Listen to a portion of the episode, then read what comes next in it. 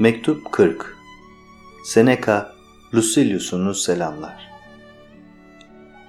Sefahatin, iyi ahlaka yüz çevirmenin, herkesin kendi çağında bulduğu başka kusurların Lucilius yalnız yüzyılımıza özgü birer kusur olduğunu düşünürsen yanılırsın. Bunlar insanlığın kusurlarıdır, bir çağın değil. Hiçbir çağ hatadan dışlanmış değildir. Kötülüğe kolayca kayıyoruz. Çünkü bizi yönlendiren bir önder, bir arkadaş bulunabiliyor her zaman.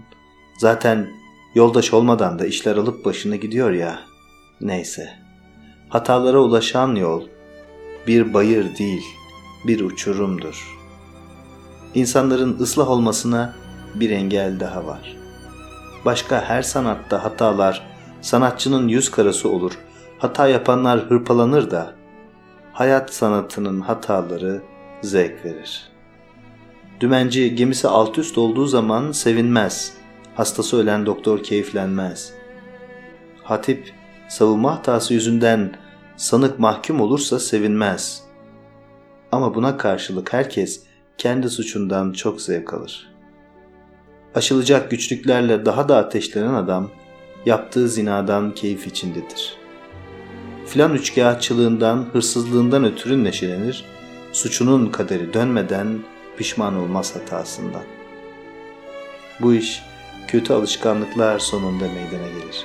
Aslında en büyük kötülükleri yapmış insanların bile bir iyilik duygusu vardır ruhunda. Bilmelisin bunu. Ayıp nedir belirler de önem vermezler buna. Bütün suçlarını saklarlar. Başarı kazansalar bile bunun meyvesinden yararlanırlar ya, nereden geldiğini gizli tutarlar.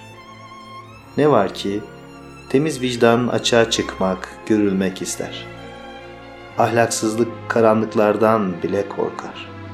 Bu yüzden ben Epikür'ün şu sözünü çok ince anlamlı buluyorum. Kötülük edenin gizlenmesi olasıdır. Ama gizlendiği halde hiç güven içinde olamaz. Ya da bu sözün anlamı şöyle daha iyi açıklanacaksa diyelim ki, gizlenme şu nedenle kötülere yararlı değildir. Gizlenme mutluluğu içinde olsalar da, gizlenme güvencesi içinde olmazlar hiçbir zaman. İşte böylece suçlular güven içinde olsalar bile yürekleri hiç rahat olamaz. Sorun bu türlü ortaya konup açıklanınca bizim okulumuz bu sonuca karşı çıkmaz diye düşünüyorum. Neden mi? Çünkü suç işleyenlerin en önde gelen en büyük cezası suç işlemiş olmaktır da ondan. Hiçbir cürüm de kader onu armağanlara boğsa bile, korusa, kurtarsa bile cezasız kalmaz. Madem ki cürümün işkencesi yine cürümün içinde saklıdır. Ama arkadan kimi cezaların da onu sıkıştırması, onu izlemesi olasıdır. Her zaman korku, kuşku içinde olmak, hep tedirgin olmak, güven içinde olduğuna inanmamak gibi. Bu düzenbazı ne diye kurtarayım bu işkenceden? Neden onu hep sallantıda bırakmayayım? Epikür, hiçbir şeyin doğası adaletli değildir. İnsan korkudan kurtulamadığı için suçlardan kaçınmalı dediği zaman onunla aynı düşüncede olmayalım. Şu düşüncesini paylaşalım onun. Kötü davranışları vicdan kırbaçlar durur.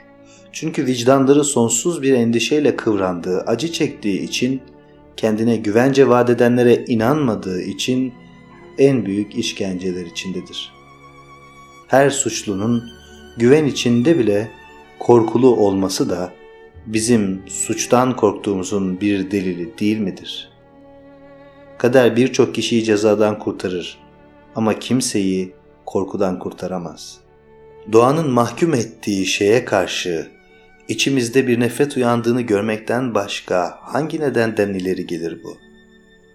Gizli kaldığı zaman bile gizlendiği için suçluya kesin bir güvence gelmiyorsa bu vicdanın onu mahkum etmesinden, kendisine ne olduğunu göstermesinden ileri gelir.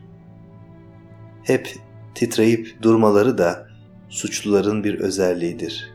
Birçok suç yasadan, yargıcın elinden, fermanlı işkencelerden kaçıp kurtulmasaydı, ceza çekmenin yerini korku almasaydı, hali haraptı hepimizin. Sağlıkla kal.